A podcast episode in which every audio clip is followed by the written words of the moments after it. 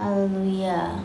Um, tema firman Tuhan bulan ini masih tentang pujian penyembahan dan saya rasa sudah banyak sekali kita dengar dari para hamba Tuhan yang khotbah tentang penyembahan ya. Um, hari ini kita mau ambil langkah praktis bagaimana sih kita bisa menyembah Tuhan, langkah-langkah dalam penyembahan. Baik, kita buka Alkitab kita di Yohanes 4 ayat 4 sampai 24 saja boleh.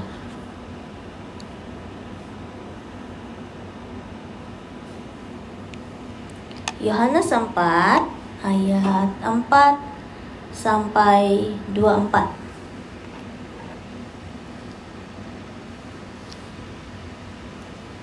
Demikian firman Tuhan. Ia harus melintasi daerah Samaria. Maka sampailah ia ke sebuah kota di Samaria yang bernama Sikar dekat tanah yang diberikan Yakub dahulu kepada anaknya Yusuf. Di situ terdapat sumur Yakub.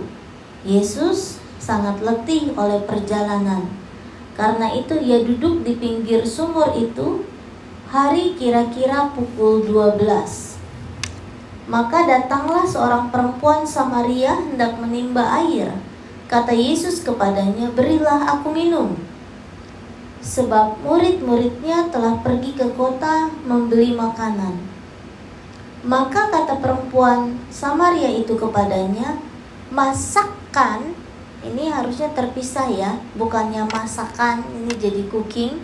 Masakan engkau seorang Yahudi minta minum kepadaku, seorang Samaria, sebab orang Yahudi tidak bergaul dengan orang Samaria.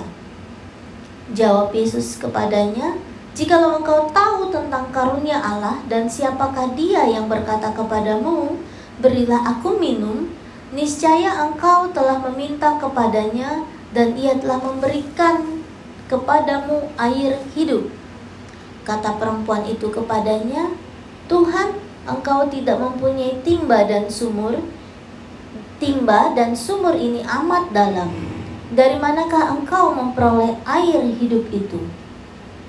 Adakah engkau lebih besar daripada bapak kami Yakub yang memberikan sumur ini kepada kami dan yang telah minum sendiri dari dalamnya ia serta anak-anaknya dan ternaknya?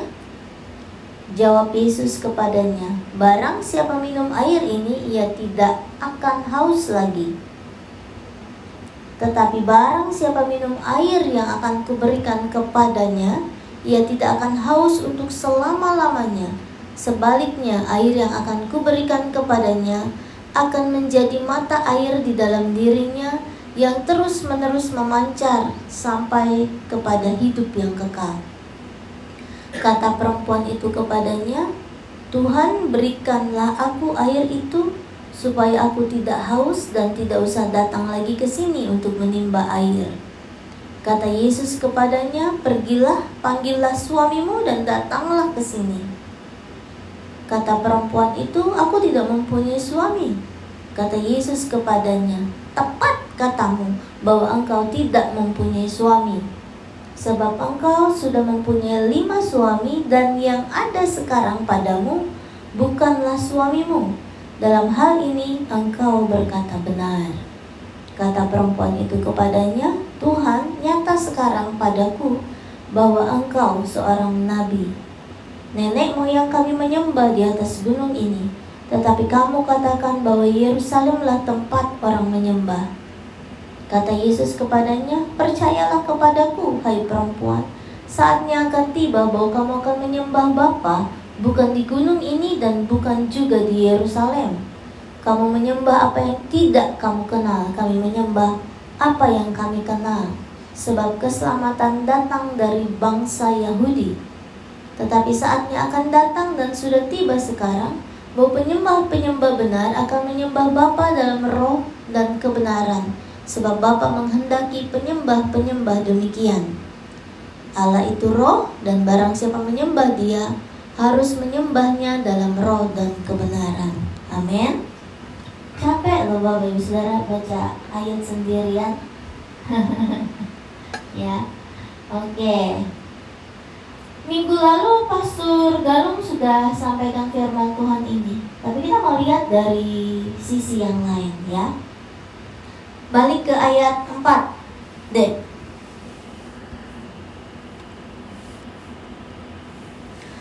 Hari ini kita belajar tentang bagaimana sih langkah-langkah dalam penyembahan.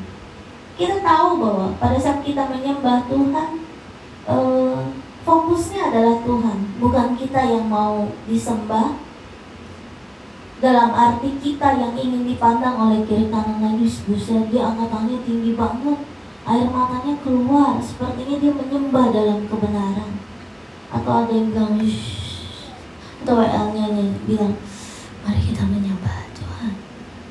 Buka hati kita wah kayaknya dia sedang mengalami Tuhan tuh gitu nggak nggak begitu gitu. Bukan itu. Ya. Uh, ada yang bilang oh kalau saya menyembah Tuhan mengalami kelepasan. Betul. Kita harus menyembah Tuhan supaya kita mengalami kelepasan. Dan kalau kita menyembah Tuhan Tuhan yang disembah bukan kita. Pada saat kita melayani dalam worship uh, di gereja, fokusnya adalah Tuhan bukan kita. Nah kita mau ambil nilai praktis uh, bagaimana sih langkah-langkah menyembah yang benar. Bapak Ibu Saudara yang pertama, saya cuma punya lima poin, ya. Tiap poinnya saya bicara 15 menit, jadi khotbah akan selesai pada pukul 3. Oke. Okay. Langkah-langkah penyembahan satu, Tuhan mau kita menyembah. Jadi kita masih ngerti dulu nih. Kita harus mengerti bahwa Tuhan mau kita menyembah.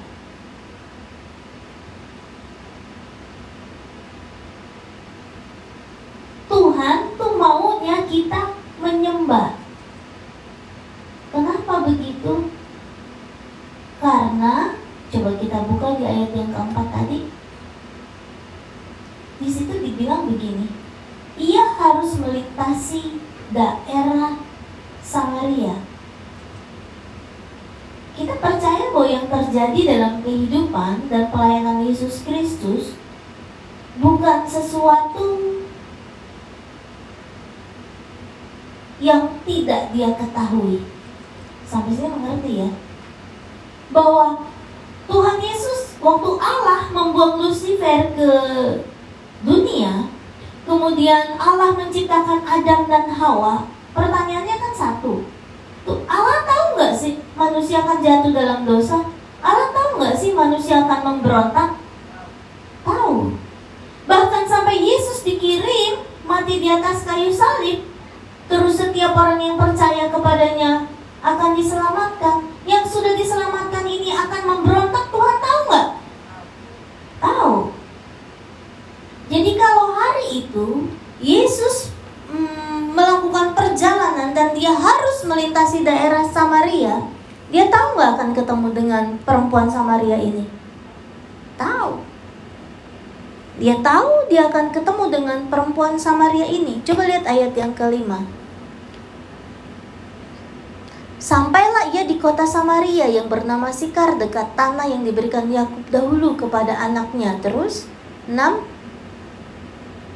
Di situ terdapat sumur Yakub. Yesus sangat letih oleh perjalanan karena itu ia duduk di pinggir sumur itu hari kira-kira pukul 12 ayat 7. Maka datanglah seorang perempuan Samaria hendak menimba air. Kata Yesus kepadanya, "Berilah aku minum.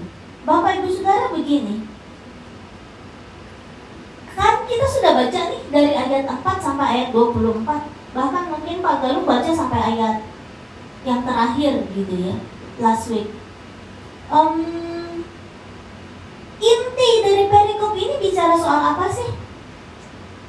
Soal pertobatan, soal penyembahan kepada Allah, betul?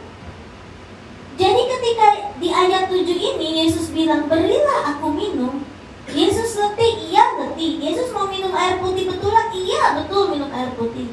Tapi hakikat, hakikat, inti dari pasal 4 ayat 4 sampai yang terakhir itu bicara soal apa sih?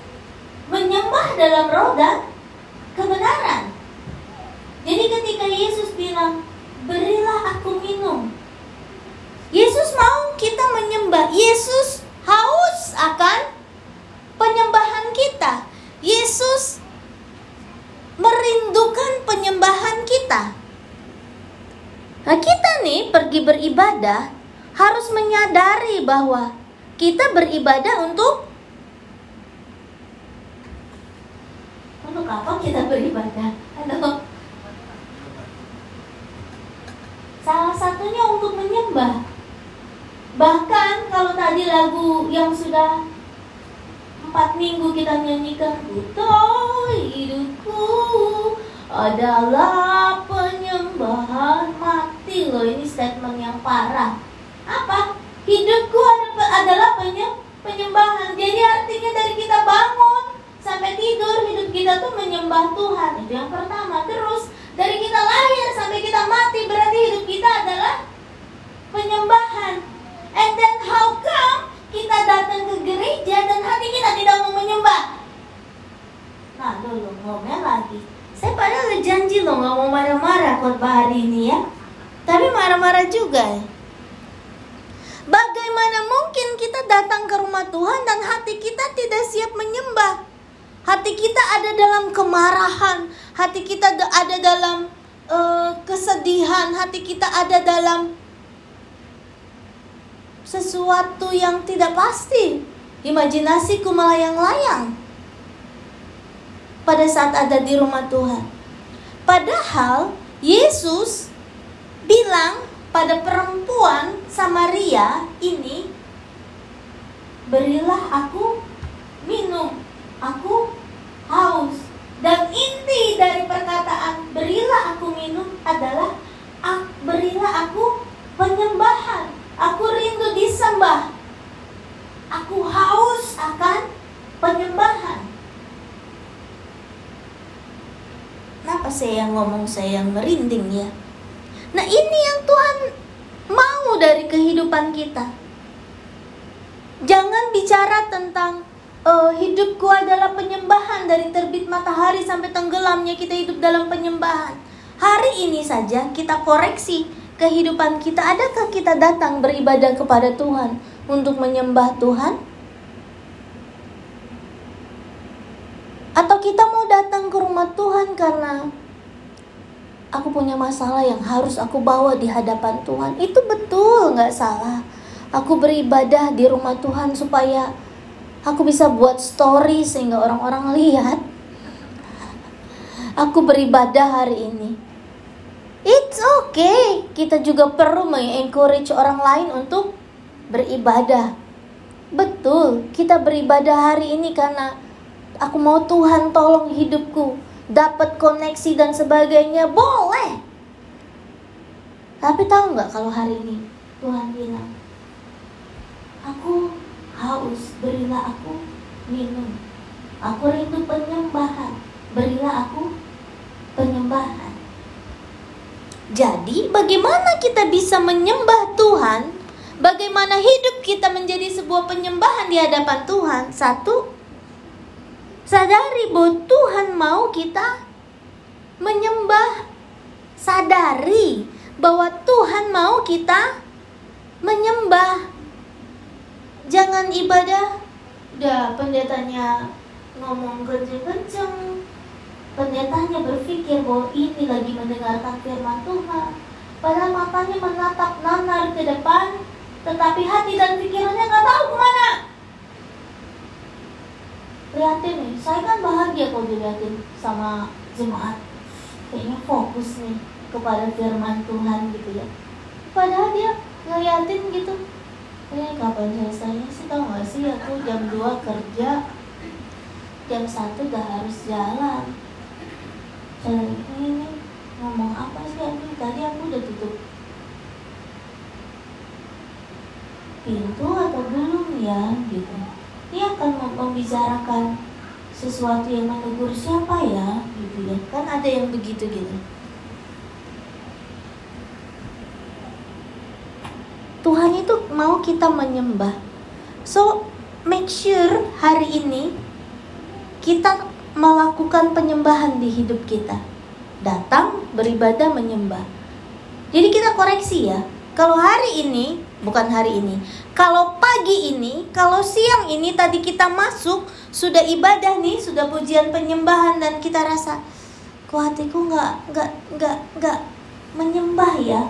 Kok aku ibadah seperti kegiatan agamawi ya kok aku datang ke rumah Tuhan rasanya biasa-biasa aja ya nah itu ntar habis firman nih kita menyembah perbaiki itu harusnya kita sadari bahwa Tuhan mau kita menyembah. Kalau Tuhan mau kita menyembah, berarti ada tujuannya, ada manfaatnya. Begitu, ada tujuannya, ada manfaatnya, bukan cuma sekedar oh ya, supaya kita sing along gitu. Bukan itu. Bahkan sampai Yesus berkata bahwa dia harus ke Samaria dia harus melewati Samaria. Kenapa? Karena dia mau mengajarkan kepada wanita Samaria ini soal menyembah Tuhan. Pasal penyembahan. Artinya sesuatu yang penting diajarkan kepada orang yang hari itu ketemu, hari itu dia sudah bilang Tuhan. Lihat gak di ayat-ayat dari ayat 4 sampai akhir. Perempuan ini selalu bilang, Tuhan, Tuhan. Murid-muridnya kadang panggil Yesus apa? Guru, Rabi, Rabuni, tergantung situasi yang dihadapi.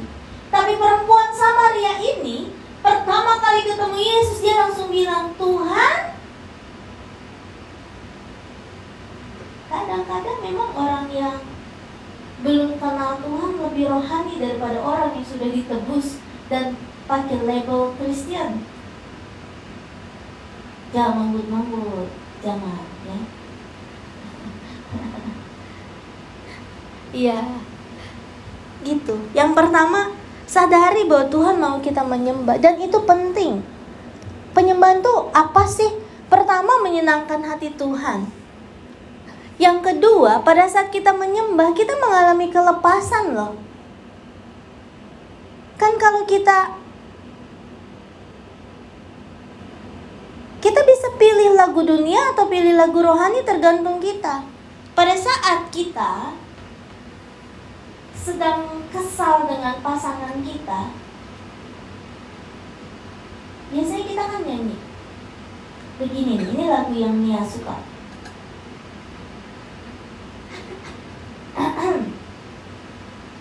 Semua terserah padamu Aku begini adanya Ku hormati keputusanmu Apa pun yang akan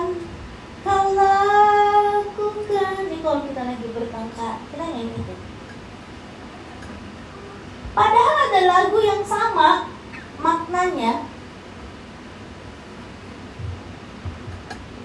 yang pada saat kita nyanyi kita mendapat kelepasan dan kekuatan. Lagu apa? Siapakah aku ini Tuhan? Jadi biji matamu kan sama maknanya. Kamu mau marah, marah sana. Mau pergi, pergi sana. Tapi aku biji matanya Tuhan. Sama nangis juga nggak nyanyi itu. Nangis juga sama. Tapi yang satu memuliakan Tuhan yang satu yang satu apa? Pada saat kita nyanyi siapakah aku ini Tuhan? Itu memuliakan Tuhan mengangkat iman kita memberikan kelepasan tapi kalau kita nyanyi semua terserah padamu menangis juga tetapi kita makin down. Aku begini adanya gitu. Tapi kalau kita bilang siapakah aku ini Tuhan sama nih nangis tapi ada kekuatan baru dari pujian penyembahan itu. Saya pikir saya boleh nyanyi lagu dunia loh. Ibu kan kalau khotbah suka nyanyi lagu dunia. Iya, cuma di atas mimbar aja. Tapi di rumah nggak terus nyanyi Sarangeo, sarangeo Nggak nyanyi lagu itu juga terus-terusan Harus menyembah gitu Karena Tuhan mau kita menyembah Penyembahan itu ada kelepasan menyenangkan hati Tuhan. Yes, itu. Yang kedua, mengerti kasih karunia. Kita bisa menyembah Tuhan kalau kita mengerti kasih karunia. Lihat ayat 10. Jawab Yesus kepadanya, "Jikalau engkau tahu tentang karunia Allah dan siapakah dia yang berkata kepadamu, berilah aku minum, niscaya engkau telah meminta kepadanya dan dia telah memberikannya kepadamu air hidup. Gini loh, kenapa sih kita nggak bisa menyembah? Kita kan suka kesel ya, kalau kita jadi worship leader, kita udah ah, Ayo kita menyembah, buka hatimu, buka kepalamu, buka semua yang bisa kamu buka, gitu ya. Terus kita lihat jemaatnya diam aja angkat tangan juga enggak gitu ya kita lihat tengok singer singer juga diam aja Ayo kita sembah Tuhan. Lagu udah diulang sudah sampai begini udah begini begini. Sampai tangan kita lemas. Nggak ada yang nyembah diam aja. Hmm. Hmm. singernya udah mulai turunin uh, mic-nya jadi. Worship leadernya udah ada. Ini gimana sih gitu. Pernah nggak dalam kehidupan kita merasa bahwa kok aku nggak bisa menyembah Tuhan ya di rumah kan kau yang suka menyembah Tuhan di rumah pada saat kita bilang begini Haleluya Tuhan Haleluya. Kita mulai merasakan hadirat Tuhan. Haleluya. Tapi ada satu masa kita tidak bisa bilang dan bahkan bilang Haleluya pun Haleluya nggak rasa apa-apa. Dan kita akan bisa menyembah Tuhan kasih karunia Tuhan. Apa itu kasih karunia Tuhan? Kalau kita tahu kasih karunia Tuhan buat hidup kita besar nggak sulit loh menyembah Tuhan. Amin? Ya oke okay, Tuhan nggak ada yang amin. It's okay fine. Terlambat lagi aminnya.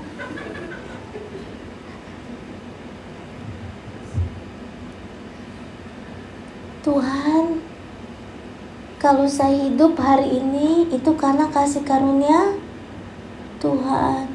Kalau hari ini saya bisa masih bekerja, bernafas, itu karena kasih karunia Tuhan. Kalau tambah hari, tabungan saya tambah banyak itu karena kasih karunia Tuhan. Kalau saya udah lima tahun di sini, mobil saya tambah bagus, itu kasih karunia Tuhan. Tuhan, kalau ada yang benci saya, itu kasih karunia. Nggak mau jawab. Kalau ada yang benci saya, itu kasih karunia Tuhan. Kalau ada yang gos sipin saya itu kasih karunia Tuhan. Kalau ada yang jegal langkah, tahu gak jegal? Kalau ada yang menghalang langkah saya itu kasih karunia Tuhan. Kalau ada yang coba uh, hancurkan nama baik saya itu kasih karunia Tuhan. Kok bisa sih begitu, Bu? Iya, kan kalau saya ngomong kalau sampai hari ini hidup penuh berkat penuh kemurahan kasih karunia Tuhan kita kan manggut kenceng-kenceng tapi kalau kita bisa bilang kalau hari ini bos saya maki-maki saya itu kasih karunia Tuhan. Kalau ada yang jahat sama saya itu kasih karunia Tuhan. Sehingga aku tidak lupa bahwa Tuhanlah satu-satunya yang baik. Amin. Langsung bilang amin. Artinya apa? Masih ada luka di hati kamu. tolong. Kenapa bilang begitu? Kita sering bilang, emang ya bu, Tuhan aja yang bisa tolong manusia nggak bisa diharapin. Kenapa kecewa ya? Iya, gitu. Bukan itu menyadari makna.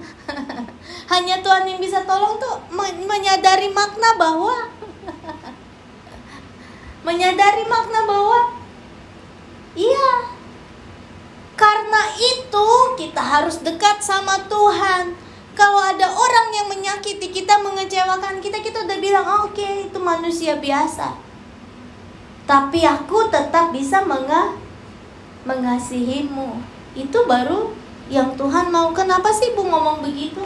Eh, emang kita benar-benar banget hidupnya. Coba renungin.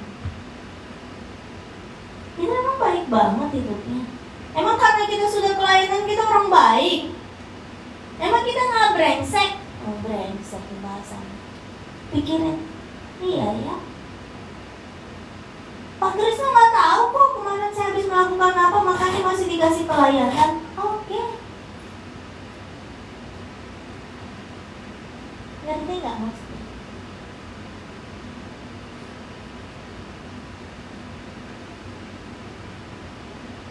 Kalau dosa kita masih ditutupin sama Tuhan, gak dibongkar, diampuni, tidak dipermalukan di hadapan orang, itu kasih karunia loh.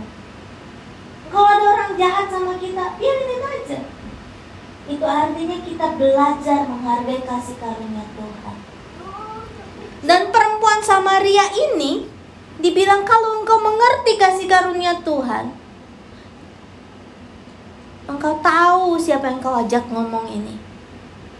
Jadi artinya begini, kita bisa menyembah Tuhan karena kita tahu bahwa yang Tuhan mau adalah penyembahan. Yang kedua, tidak akan sulit bagi kita melakukan penyembahan kalau kita tahu kasih karunia Tuhan dalam kehidupan kita. Kalau kita tahu kasih karunia Tuhan dalam kehidupan kita, gak lagi kita menjadi orang-orang yang sulit menyembah sombong, tidak tahu kasih, tidak tahu membalas kasih dan kemurahan Tuhan. Kalau kita tahu kasih karunia Tuhan, kita mau balas kan kasih dan kebaikan Tuhan, ya enggak? Jangan sampai orang lain yang menyakiti kita, kemudian kita memutuskan untuk tidak menyembah Tuhan. Orang Kristen aja gitu, ketua komsel aja gitu, pelayanan tapi gitu. Terus ih kita marahnya sama orang. Tetapi yang kita lakukan adalah tidak menyembah Tuhan. Ya kan ini salah server loh. Kalau Tuhan bisa bilang kayak yang di Instagram atau TikTok aku sebel sama dia. Aku nggak mau menyembah Tuhan. Terus Tuhan bilang dari atas salah salah salah. Gitu ya. Salah server. Kalau orang yang menyakiti marahin aja diajak berantem kalau perlu.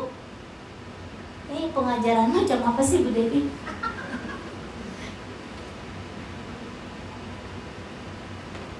Kalau perlu marah ya marah.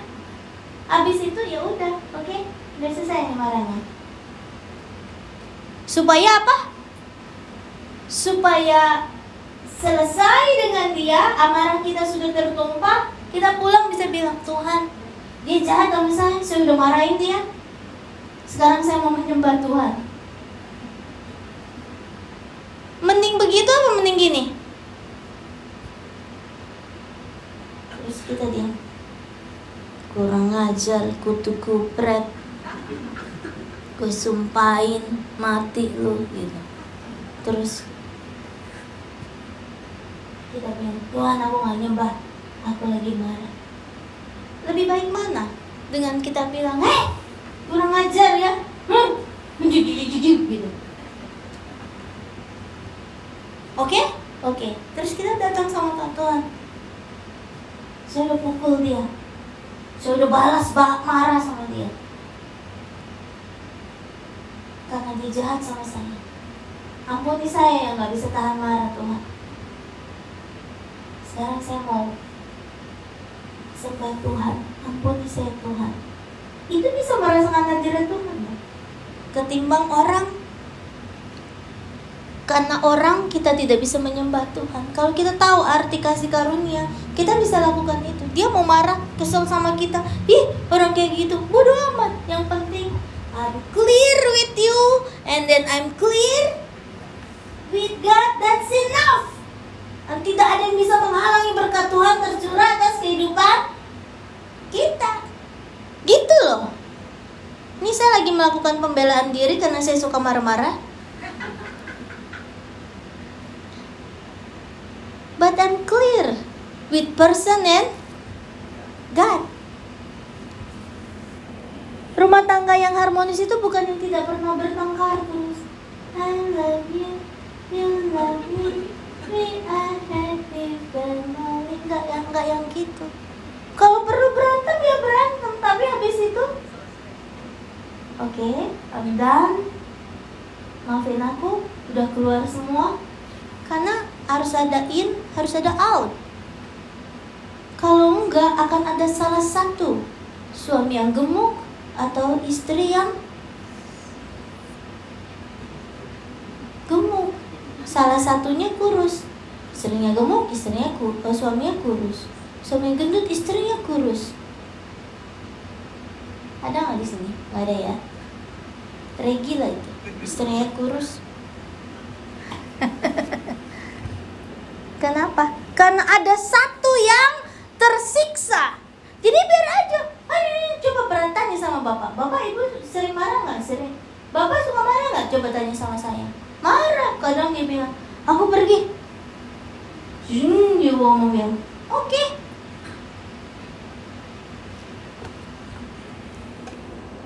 Pulang? Oke. Okay, I'm done with marahku. Ya udah kita ngomong lagi gimana nggak ngomong baru rumahnya kecil? Mentok lah. Apalagi kalau tinggal masih share. Mau gimana? Mau di ruang tamu. Susah gitu ya. Selesaikan. Habis itu kembali bilang sama Tuhan Tuhan ampuni.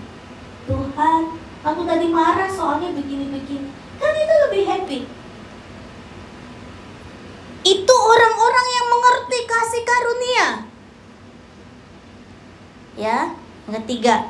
Ih beneran lu satu topik 10 menit oh Tuhan ampuni hambamu ini Yang ketiga mengenal Allah kita tiap hari ayat 12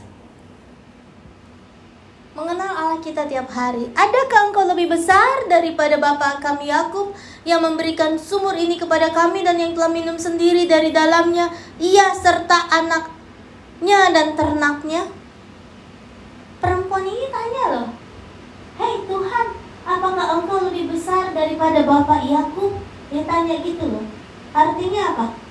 Perempuan ini tahu tentang Allah Yakub Allah Abraham, Allah Ishak, Allah Yakub. Kita tahunya apa?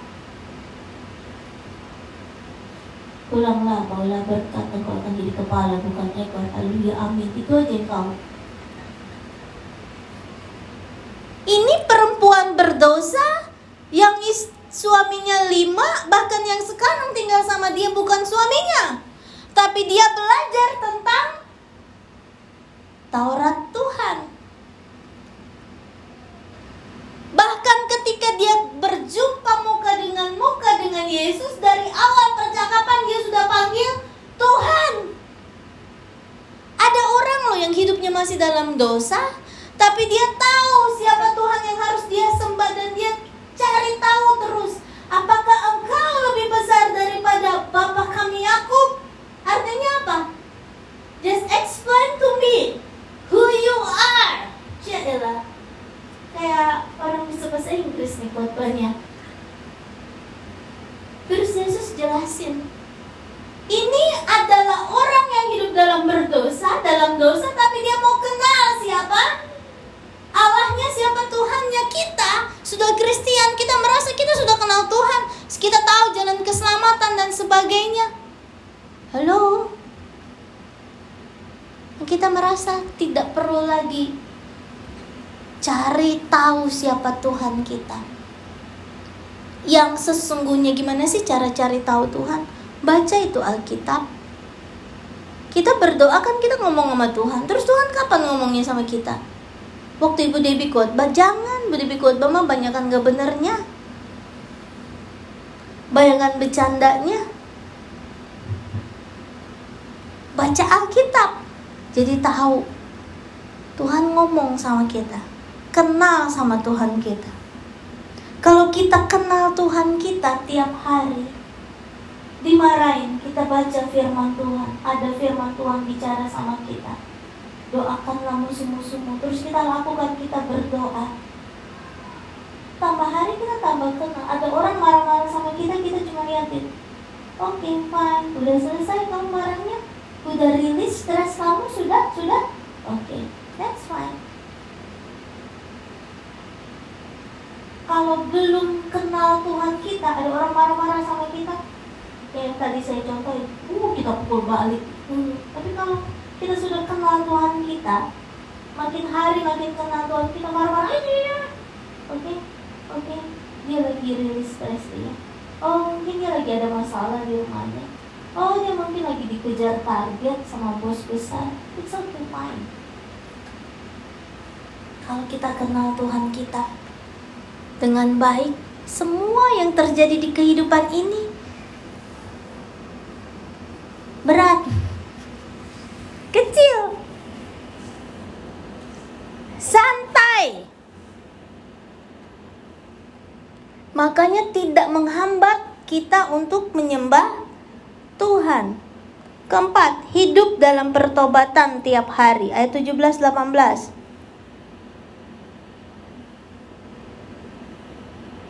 Kata perempuan itu, aku tidak mempunyai suami. Kata Yesus kepadanya, tepat katamu bahwa engkau tidak mempunyai suami. Terus, Sebab engkau sudah mempunyai lima suami dan yang ada sekarang padamu bukanlah suamimu.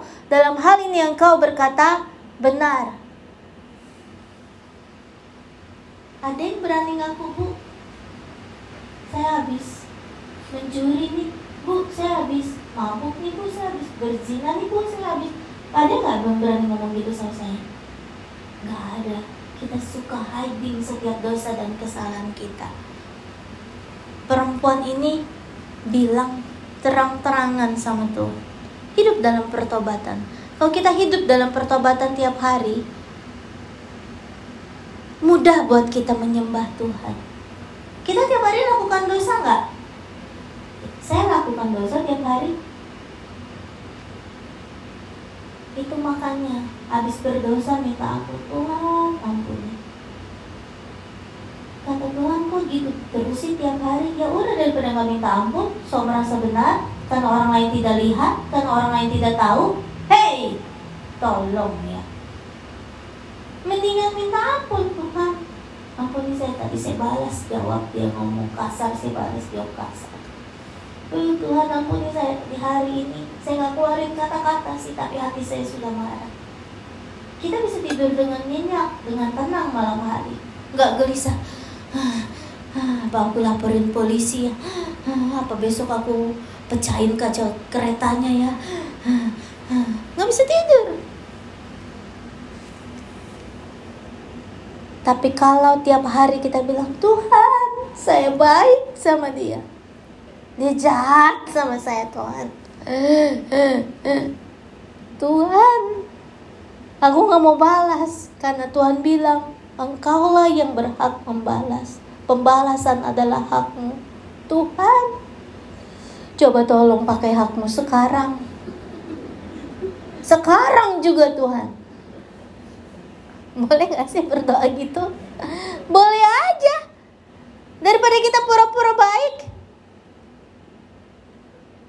Tuhan saya nggak balas dia jahat banget Tuhan. Aduh, udah ngomongin saya, udah jahat sama saya sudah menghambat kehidupan saya. Saya lakukan yang baik sama dia Tuhan berkali-kali tapi berkali-kali dia jahat Tuhan. Itu juga yang saya suka berdoa sama Tuhan. Tuhan ini jemaat satu nih, ajak ngomong gak ngerti. Ajak ngomong nangis besok diulangi Tuhan. Aduh, aduh. Coba toh, Tuhan tahu kan saya nggak boleh balas ini segala kedegilan hatinya, ketidaktaatannya. Coba Tuhan yang balas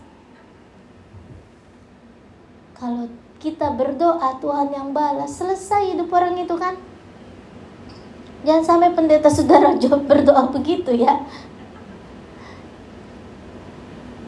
kita berdoa begitu sama Tuhan biar Tuhan yang balas. Kalau Tuhan yang balas selesai loh hidupnya. Lakukan itu deh nyaman loh. Kita nggak ngapa-ngapain tuh hmm, tahu-tahu dia ngalamin masalah. Eh Tuhan tuh jawab ya thank you Tuhan.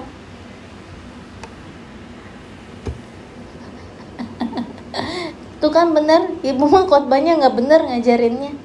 Tetapi makin bertumbuh di hadapan Tuhan kan kita udah nggak berdoa begitu lagi. Kita udah bilang oh ya dia baru sampai level itu it's okay. Kita nggak perlu lagi bilang Tuhan Tuhan balesin ya. Nggak. Nggak. Karena kita sudah udah makin dewasa makin bertumbuh. Kalau sekarang kita masih bilang Tuhan balesin dia ya ya udah bilang aja begitu berdoa sama Tuhan. Tapi semakin kita bertobat tiap hari maka iman kita makin tumbuh rohani kita makin tumbuh kita nggak lagi berdoa begitu. Udah ada orang jahat sama kita oh oke. Okay. it's okay. Dia masih di level itu prosesnya belum sama sampai saya sorry saya udah jauh coy gitu maka kita tidak akan kesulitan menyembah Tuhan yang terakhir. Oh Tuhan, lama banget sih Bu Devi khotbah. Menyembah dalam roh dan kebenaran. Enggak selama Pak Galung tapi ya. Amin, amin. Daripada saya ngambek kan. Yang ketiga, menyembah dalam roh dan kebenaran. Kita harus menyembah Tuhan dalam roh dan kebenaran. Kalau menyembah uh,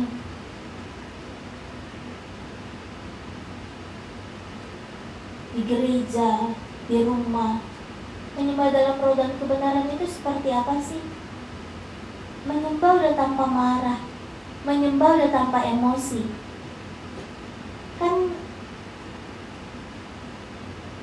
pendeta tuh bisa lihat mana sih jemaat yang menyembah keluar air mata karena merasakan hadirat Tuhan atau dia ngerasa Tuhan nih, nih lagu relate sama hidup gue gitu ya. Kan ada yang kayak gitu misalkan lagu apa ya? Pertolonganku datang darimu. Oh ini orang lagi perlu ditolong nih banyak masalah nih. Pendetanya tahu ketawa lagi sisi tanggang satu ini. Ada lagi yang nangis ketika yang saya suka lihat banyak orang nangis tuh yang begini. Apa? Hanya engkau pribadi yang mengenal hatiku. Itu habis diomongin orang dan gak bisa bales. Tiada yang tersembunyi bagimu. Hatiku Kau tahu itu baru lagi ngadiding Punya soalan lah sama teman gitu ke pendeta bisa tahu ini nyembah beneran apalagi ada masalah apalagi mau curhat sama Tuhan tahu tapi kalau menyembah dalam roh dan kebenaran adalah Tuhan aku mau nyembah Tuhan hari ini. Aku punya banyak masalah. Aku lagi dalam tekanan, aku lagi sakit Tuhan. Tapi aku mau menyembah Tuhan karena Engkau baik. Persoalanku selesai atau enggak Engkau baik Tuhan. Aku disembuhkan atau enggak Engkau baik Tuhan.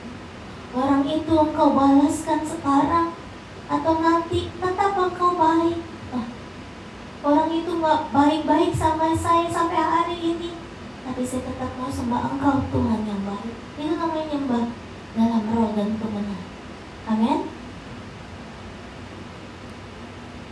sehingga kita bilang Tuhan hingga tidak ada hambatan. Sungai sukacitamu. Ada yang nyanyi sungai sukacita kamu ini sungai sukacitamu mengalir dalamku. Worship leadernya bilang oh yes oh yes. Oh yes yes yes yes. Anggur sukacitamu. Oh yes yes oh yes yes kenapa karena tidak karena belum bisa bilang sama Tuhan Tuhan apa pun keadaan hatiku hari ini, keadaan rumah tanggaku, keadaan kantongku, aku tetap mau bilang engkau baik. engkau baik. Itu namanya menyembah dalam roh dan kebenaran. Saya undang pemusik, singer, song leader nyanyi ke depan.